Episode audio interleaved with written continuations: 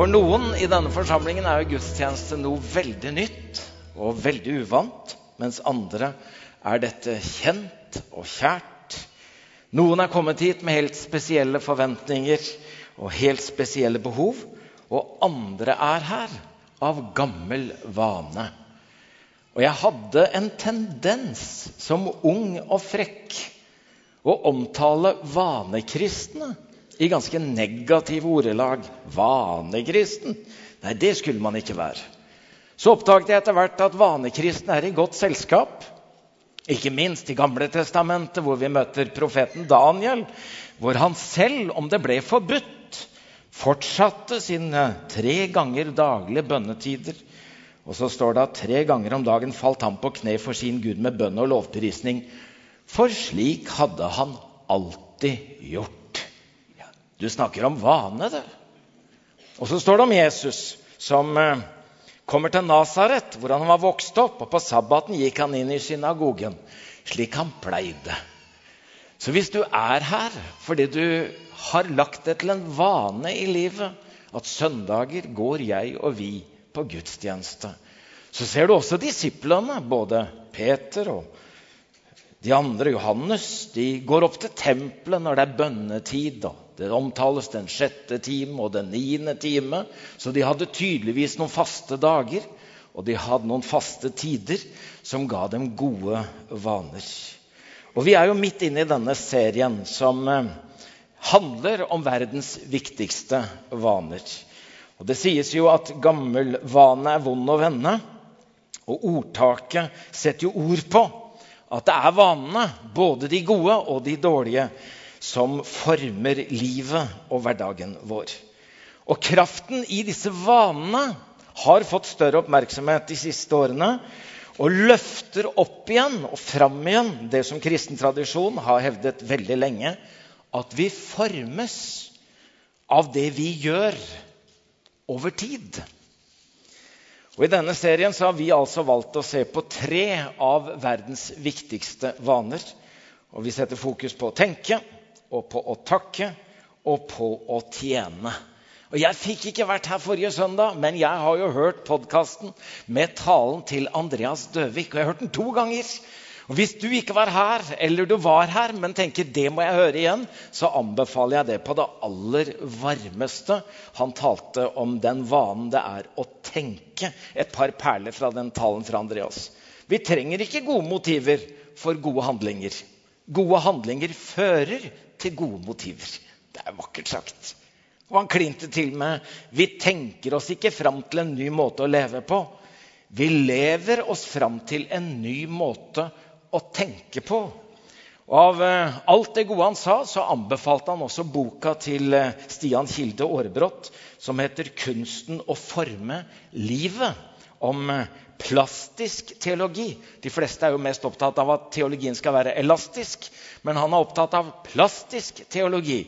Det betyr at vi formes av det vi gjør. Vi blir altså det vi gjør. Hermed er boka til Stian Kilde Aarbrot anbefalt på det aller varmeste. Og Denne søndagen så setter vi fokus på den viktige vanen det er å takke. Og det er kanskje noe av det aller første vi lærer oss Ture og jeg har ikke mer enn fem barn, og foreløpig bare tolv barnebarn. Så vi har vært omgitt av noen små. Og hører foreldre, og vi hører oss sjøl igjen som et slags ekko. 'Nå må du takke for maten, da.' Ja, sa du takk for gaven?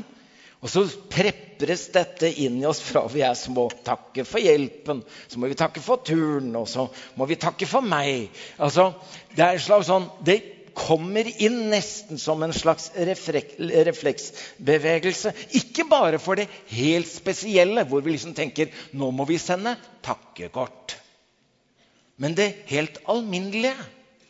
Det som blir så alminnelig at det nesten blir selvfølgelig. Dette som vi, hvis vi ikke venner oss til å takke for det, ikke kommer til å se betydningen av det før vi mister det.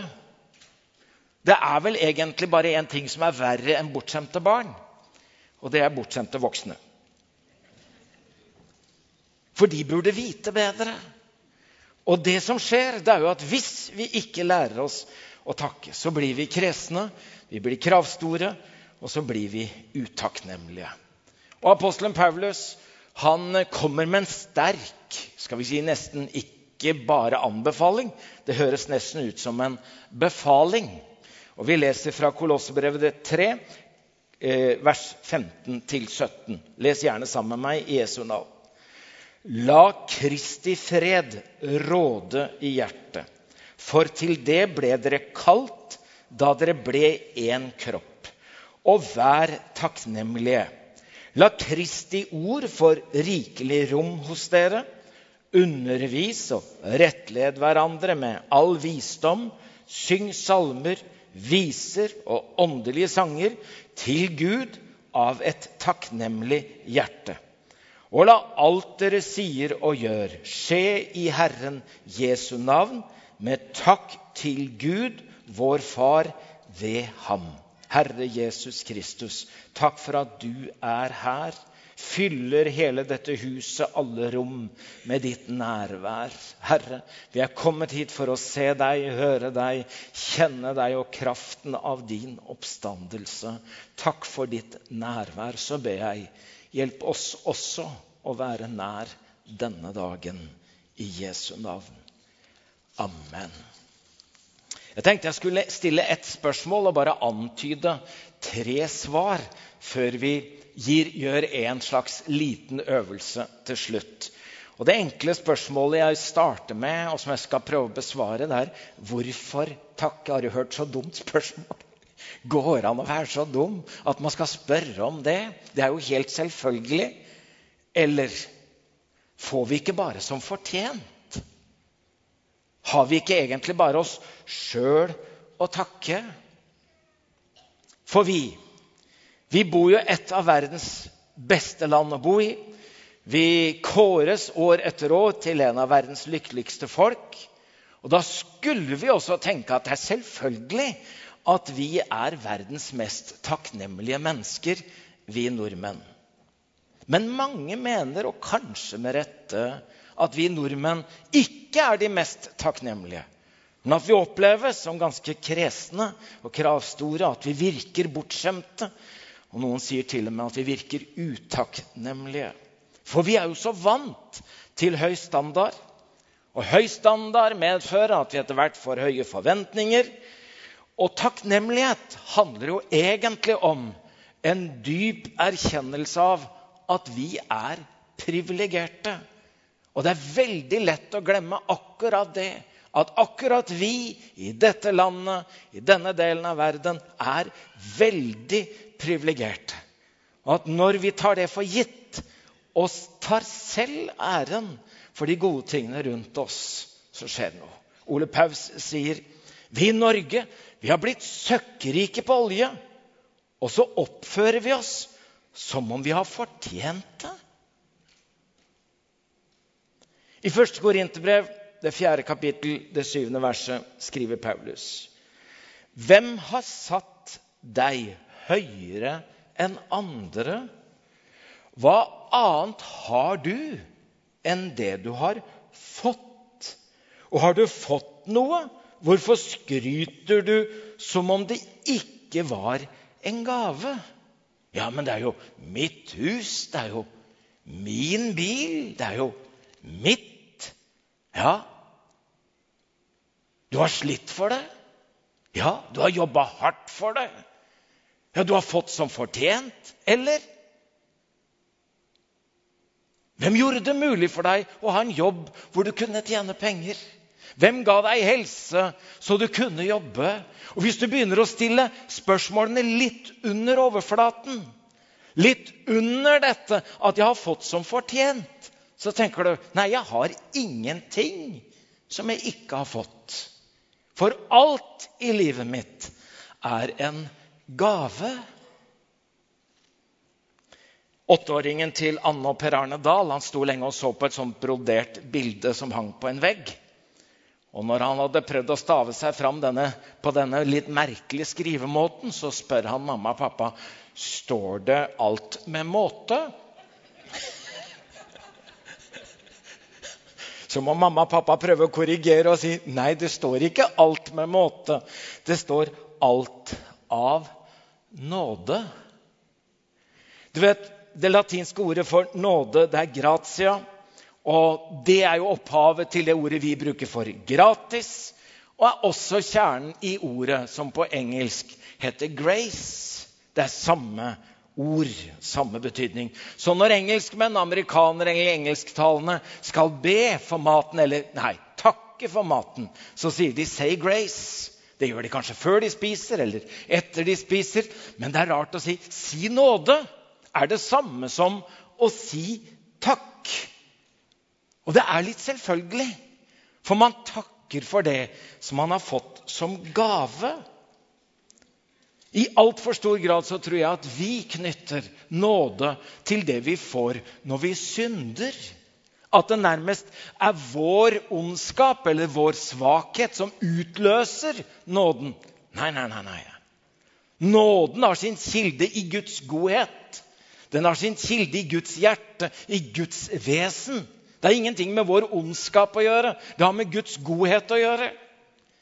Og når jeg ser at nåde kommer av Guds godhet, da ser jeg nåden nesten som en slags mynt. En mynt som har to sider. Og den ene siden av den mynten det sier noe om han som gir. Altså kjærligheten som gir av godhet og barmhjertighet. Og på den andre siden så står det takk. Det betyr at det sier noe om mottakerens reaksjon. Så når jeg tar imot gaven som gis i kjærlighet, så kommer det fram i mitt hjerte et takk. Etterpå skal vi feire nattverd. Da får du et oblat. Det oblatet er formet som en løsepenge. Du kommer, og jeg kommer, med to tomme hender. Det sies dette er Jesu kropp gitt for deg. Jesu blod utøst for deg. Og du må gjerne si tusen takk. Nåde utløser takk.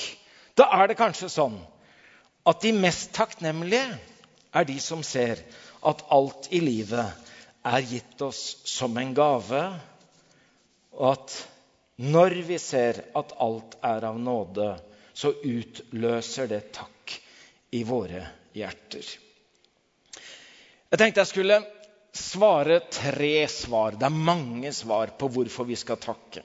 Og jeg tenker at Det første jeg har lyst til å sette fokus på, er at takk skaper glede.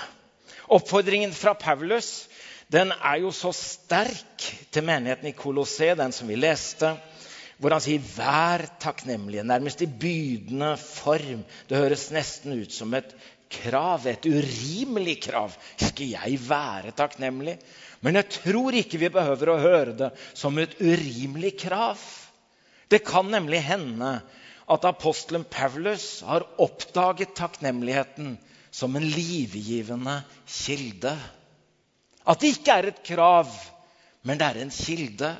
Det betyr vær takknemlige. I den takknemligheten finner dere livsgleden. Takk skaper dobbelt glede. Den skaper glede hos den som mottar den, og den skaper glede hos den som gir den. Apostelen Paulus han hadde jo mange grunner til å klage over veldig mye. Han ble forfulgt, han ble torturert, satt fengslet i lange perioder før han ga sitt liv som martyr. Men han oppmuntrer andre fordi han selv har funnet kilden til glede i takknemligheten. Og når vi ser rundt oss etter hvilke mennesker som vi kjenner og omgås med på jobb, hjemme, i nabolaget, og tenker hva er det som kjennetegner disse menneskene som ser ut til å ha et slags ekstra livsglede i livet, så oppdager vi veldig ofte at det var jo ikke økonomien. Det var heller ikke helsa eller omstendighetene som var avgjørende. Men det vi ser og gjenkjenner, at det som er kilden til deres livsglede, i så stor grad er takknemligheten. Dette er det selvfølgelig folk som har forska på. Eh, Paul Johan Carlsen er psykolog, har doktorgrad i psykologi. Han er samtidig forfatter, og som psykolog er han selvfølgelig interessert i hva som gjør at eh, mennesker kan ha det bedre. Og så har han i denne boka 'Psykologi i et nøtteskall' bl.a. tatt for seg hvordan det påvirker oss å være takknemlige. Og Paul Johan Carlsen han sier takknemlighet er en av de viktigste faktorene for at vi skal synes at vi har det godt. Når folk blir spurt om når i livet de har hatt det best, forteller mange at det var øyeblikk fylt av takknemlighet. Og han sier videre å være takknemlig er en god måte å skru av negative følelser og tanker som skuffelse, bitterhet, misnøye på, fastslår Pål André. De har forska på dette. Og så begynner man å se hva det har av påvirkning på søvn, på fysisk helse, på psykisk helse, på relasjoner. For det er ikke nødvendigvis de som har mest, som takker mest. Men de som takker mest, det er de som har det best. Og det jeg legger merke til når jeg leser apostelen Paulus' brever, at han slår an en grunntone i alle brev. Ja da, han har mye på hjertet. Han har mye han ønsker å korrigere, og han utfordrer og han formaner. Men hver gang så begynner han med aller først, sier han, så må jeg si jeg takker Gud for dere. Også til Kolossebrevet så sier han til kolosserne vi takker alltid Gud, vår Herre Jesu Kristi Far, når vi ber for dere. Det er fint. Du vet, I bønn kan vi uttrykke mye gærent om folk. Kjære Gud, du ser han der typen der. Ja, ja, ja. Så når noen kommer bort til deg og sier 'Jeg skal be for deg, jeg, Svartdal', så tenker jeg ja, ja, men jeg lurer på hva du har tenkt å nevne. Du blir ikke alltid trygg når noen sier i det ordelaget at 'jeg skal be for deg'. Ja. Men hvis noen kommer til deg og sier 'Du, Egil, jeg takker Gud ja, når jeg ber for deg'. Da skjønner jeg at grunntonen i deres bønner for meg er takk.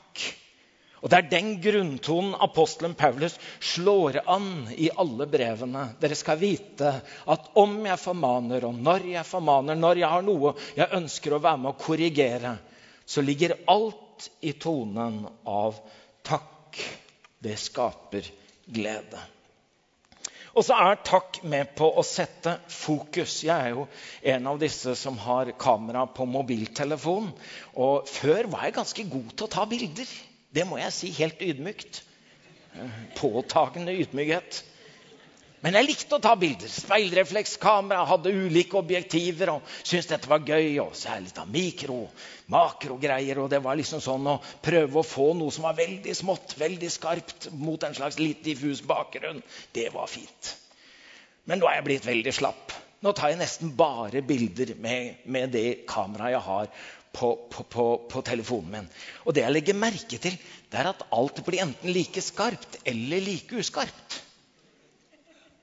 Og det betyr at når folk ser bildene jeg tar med mitt mobilkamera, så veit de ikke hva som er viktig, og hva som er uviktig.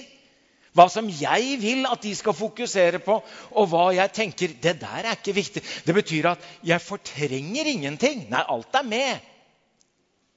Men jeg vil så gjerne fokusere. Og det betyr at man fokuserer på det man syns er det viktigste. Nå vet jeg at eh, ikke alle har med seg speilreflekskameraet sitt på gudstjeneste. Men lite, en liten prøve. Ta opp pekefingeren din. Du visste ikke at du skulle få en synstest på gudstjenesten i dag. Ha den fingeren foran øya dine nå. Og så prøver du å se meg bak den fingeren. Ja. Skarpt. Gjør meg skarp for en gangs skyld. Det hadde vært fint. Ja. Kan du se meg skarp nå? Ja. Og så skifter du fokus til fingertuppen, sånn at jeg blir uskarp og fingertuppen blir sterk. Og Da ser du kanskje at du glemte å børste neglene i dag. Er det ikke en flis der, da, tro?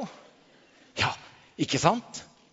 Som han Pete Hine ble spurt om hvordan ser du på verdenssituasjonen. Og da sier han det vet jeg ikke, for jeg har fått rusk i øyet.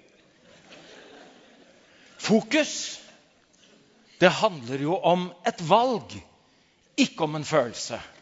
For skal vi følge følelse, så kan det uviktige bli viktig. Og det som burde vært uklart, bli sylskarpt. Det betyr at vi gjør valg på hva vi ønsker å fokusere på. Og takk, det vil hjelpe oss å sette det i fokus. Det er bare én bokstav som skiller mellom akk og takk. Men forskjellen mellom akk og takk, det er himmelvid. Og når vi sier takk, så har vi ved det satt et fokus. Kanskje ikke først og fremst på det vi savner og mangler, men på det vi har. Ikke på det som ikke fungerer, men på det som fungerer. Alle har noe å være takknemlige for, og alle mennesker kan oppøves i takknemlighet. Og vi kan få mer. Apostelen Paulus skriver igjen til tesalonikerne, 1. tesalonikerne, 5. kapittel, vers 16-18. Vær alltid glad. Be stadig. Takk Gud under alle forhold. For dette er Guds vilje med dere i Kristus Jesus. Jeg syns dette er krevende. Og det kan være helt umulig hvis det handler om å føle takknemlighet. Men jeg tror på apostelen når han skriver det, fordi jeg vet at han som skriver det, han har gjennomgått mer enn meg, og kanskje deg. Når du leser om hans lidelseshistorie som apostel, så tenker du du skal ha gått gjennom en del sånt før du skal våge å skrive det der. Takk Gud under alle forhold. Det betyr at jeg bør ikke invitere deg med på den vanskelige øvelsen å takke for alt. Det kan være en krevende øvelse, selv om Bibelen også antyder det. Men da skal man se dypere. Og kanskje man ser det først i etterkant. At selv det vonde i livet kan man på sikt være glad for og takke for. For det var med å forme livet, det også. Men iallfall takke Gud under alle forhold. Det betyr at i alle situasjoner vil det allikevel finnes noe jeg kan takke for hvis jeg setter fokus. F.eks. når jeg må rydde Altså Man kan gå på en slags type takkejakt. Altså, dette her kjenner jeg at det var litt slitsomt når jeg leste det og skrev det ned.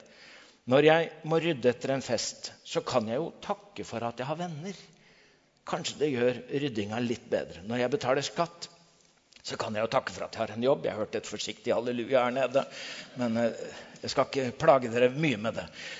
Klærne begynner å bli litt trange. Jeg kan takke for at jeg har mat. Gressplen må klippes, vinduene pusses, takrennene renses. Jeg kan takke for at jeg har et hjem. Når alle klager på politikerne, kan jeg også velge å takke for at vi har fått ytringsfrihet. Når han som sitter ved siden av meg i dag, synger så utrolig falskt, så kan jeg takke for at jeg har evnet å høre det. Han har ringeklokka ringer om morgenen. Så kan jeg tenke jeg lever en dag til skjønner at det fins situasjoner hele veien hvor det som slår inn, er en negativ følelse. Og denne negative følelsen kan jeg være med over tid og sette et annet fokus og tenke Kan jeg takke i alle situasjoner? Apropos det å introdusere et lite klipp, Ruben, eh, med meg selv, så kommer det nå. Men jeg var heldig i dag, for jeg hadde bare bilde av Birgit. Birgit Skarstein, 30 år gammel. Hun, Det er idrettsting denne helga eh, i Norges idrettsforbund. Eh, hun ble i går tildelt på idrettstinget eh, Ekebergs ærespris, som regnes som den øverste prisen i høyeste utmerkelsen i norsk idrett. Hun er bystyrerepresentant i Oslo kommune. Hun har ni VM-medaljer i roing og langrennspigging. Og hun er en gledesspreder av de sjeldne. Hun eh, reiste til Thailand rett etter videregående for å jobbe frivillig på et kristent barnehjem. Hun valgte å bruke pengene som hun hadde fått til konfirmasjonen, eh, til mat til fattige barn. Når det ene året var over, så ville hun gjerne forlenge den perioden. Og så skulle de ha en kort ferie. Det skjer en badeulykke. Eh, benet knuses, men det leges. Og så skjer det en legetabbe i Norge i 2009 som gjør at hun blir lam fra livet og ned. Jeg syns det er nydelig å møte Birgit når hun forteller. Birgit Skarstein er idrettsutøveren og Oslo-politikeren som ble kjent for hele Norge gjennom den banebrytende serien 'Ingen grenser' på NRK. Sammen med andre funksjonshemmede satte hun seg et mål om å komme opp på fjellet Snøhetta, som var en nesten umulig oppgave for jenta i rullestol. Etter turen til Snøhetta satt Birgit seg nye mål, og har vunnet medaljer i flere store mesterskap, både i roing og i langrenn for funksjonshemmede. Birgit ble tildelt Oslo kommunes ærespris i 2013. Hun er nominert til Årets Oslo-borger og er kåret til Årets gledesspreder av Trønderavisa, og blitt Årets idrettsutøver i hjembyen Levanger. Nå trener hun fram mot sitt neste store mål, som er OL i Korea i 2018. Men i dag har hun tatt seg treningsfri for å snakke med meg om hvilken ballast hun har med seg hjemmefra, og hvordan det er mulig å reise seg igjen etter den stupelykken og sykehustabben som snudde opp ned på livet hennes i 2009. Da jeg var lam, så husker jeg bestemor var besøkende på sykehuset. Og da sa at, uh, sa at uh, Birgit, Gud vil noe med livet ditt. Og da husker jeg da tenkte at uh, kanskje noen vil noe med livet mitt, men det viktigste er at jeg vil noe med livet mitt sjøl. Og det er det jeg må jobbe med utgangspunkt i, da, fordi det er det eneste jeg kan gjøre noe med. Hvis det er en høyere makt som har en mening, så er det helt utafor min kontroll, da. Jeg brakk jo, jeg brakk jo ene hånda ganske kort tid etter at jeg ble lam, og fikk merke på hvordan det var å ha bare ei hånd. Det hjelper ganske mye å ha to. Ikke sant? Og har du ikke de engang, så har du et hodet. Og vi bor i et samfunn hvor man kan bruke hodet, da. Og komme seg rundt og bruke hodet. Fordi vi har en velferdssamfunn som passer på hverandre. Som gjør at man kan få støtte og hjelp og tjenester som gjør at du kan settes i en posisjon hvor du kan bruke det hodet. Om det er bare det du har. Om det er andre ting du har å bidra med, så kan du bidra med det. Altså, det er jo ikke synd på meg. Jeg bor jo i verdens beste land. Um, med en helt fantastisk natur. Med jorda og fine folk.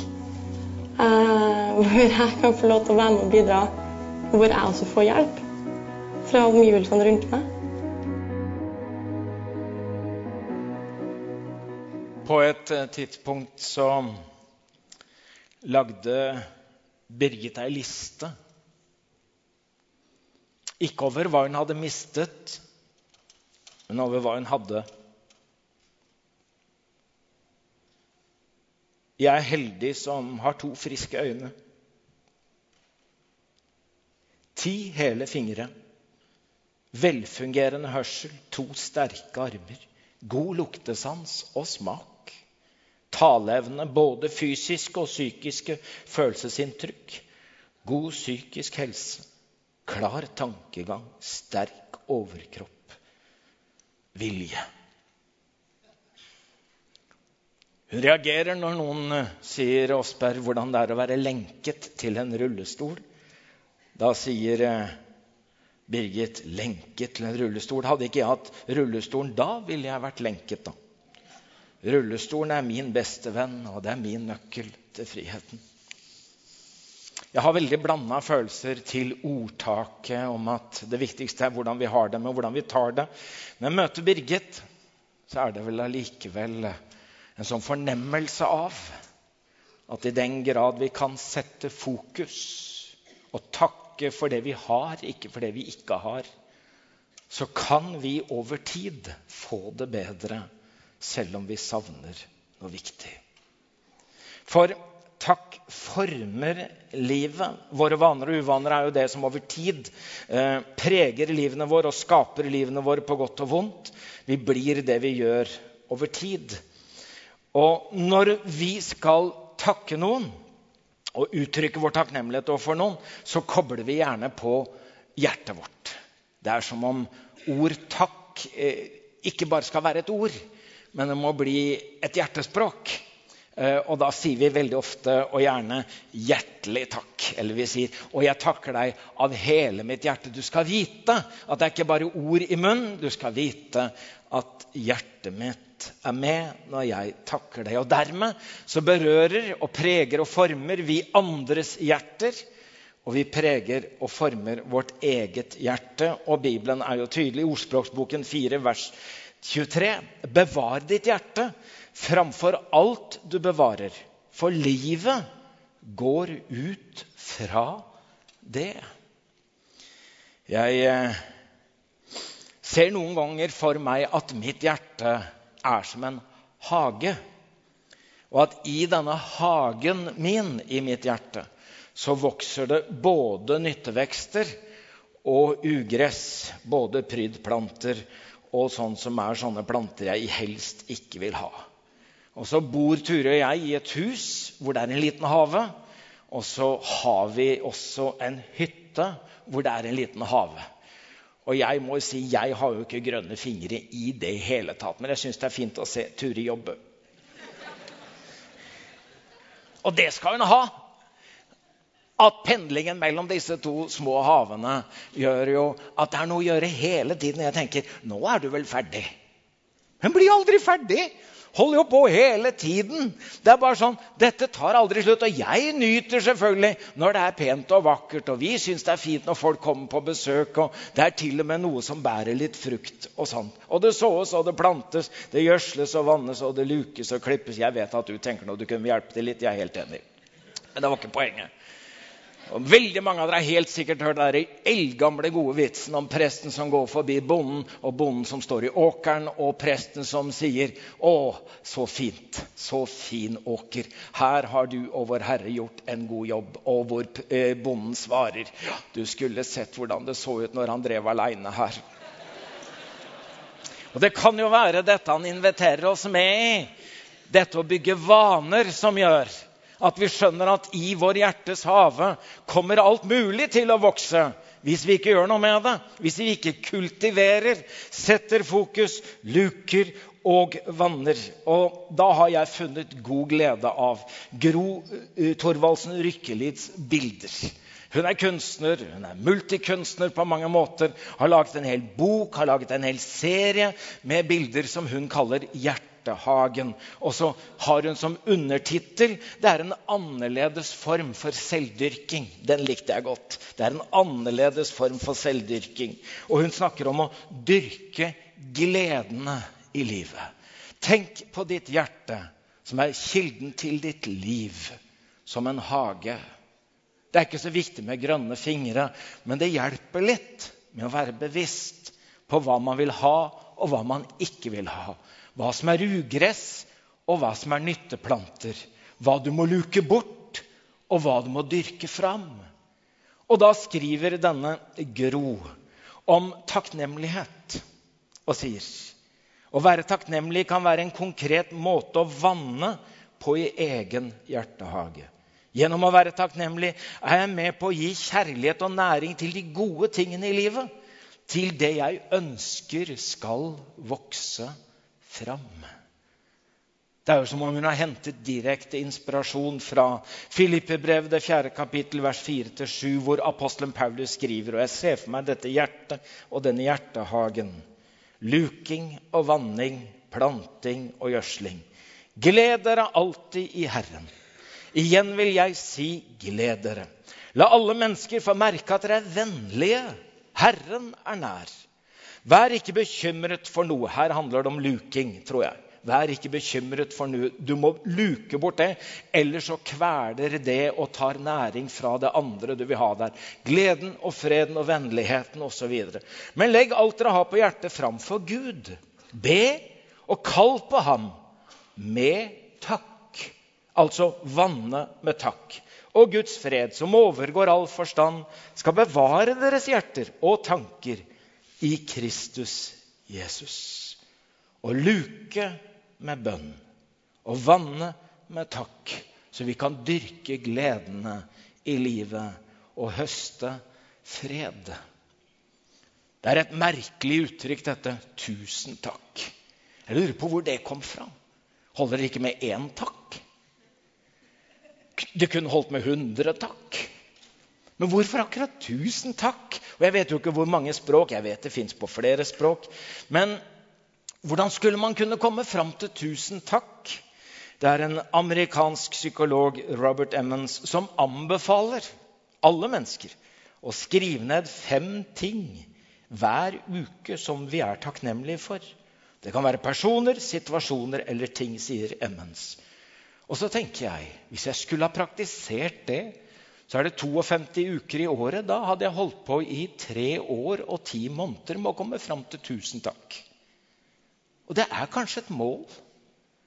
At jeg kunne hjelpe meg selv til bevissthet på rett og slett hva er jeg takknemlig for? Dere som hørte Andreas forrige søndag, dere hørte denne fortellingen hvor du kan finne den også på nett. Denne amerikanske forfatteren AJ Jacobs, som eh, er jo en spesiell type. Det er fantastisk å høre han i hans egen fortelling. Du finner det hvis du leiter litt etter det. Men han har jo en vane for negative tanker, og så vil han bygge en motvane. Bestemte han seg for å gå inn i det som betyr veldig mye for han, morgenkaffen. Og så tenkte han nå skal jeg takke alle som gjør det mulig for meg å drikke min morgenkaffe hver morgen. Og så legger han da ut på en reise. Den tar et år. Han takker 1000 personer helt personlig. Og så sier han noe om hva denne prosessen gjør med han. Det kommer en bok, og det kommer selvfølgelig foredrag ut av sånn. Men det han sier, det er jo noe med 'fake it till you feel it'. Altså, det er handlingene, det er vanene, som skaper de gode følelsene over tid. Det gjør noe med oss, det vi gjør.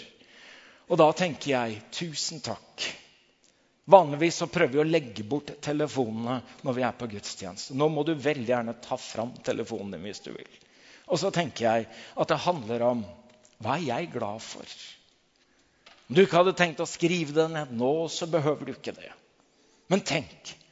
Jeg vil begynne å sette fokus på hva jeg er glad for. Situasjoner, ting som jeg har fått i livet mitt. Og så vil jeg tenke igjennom hvem er jeg glad i?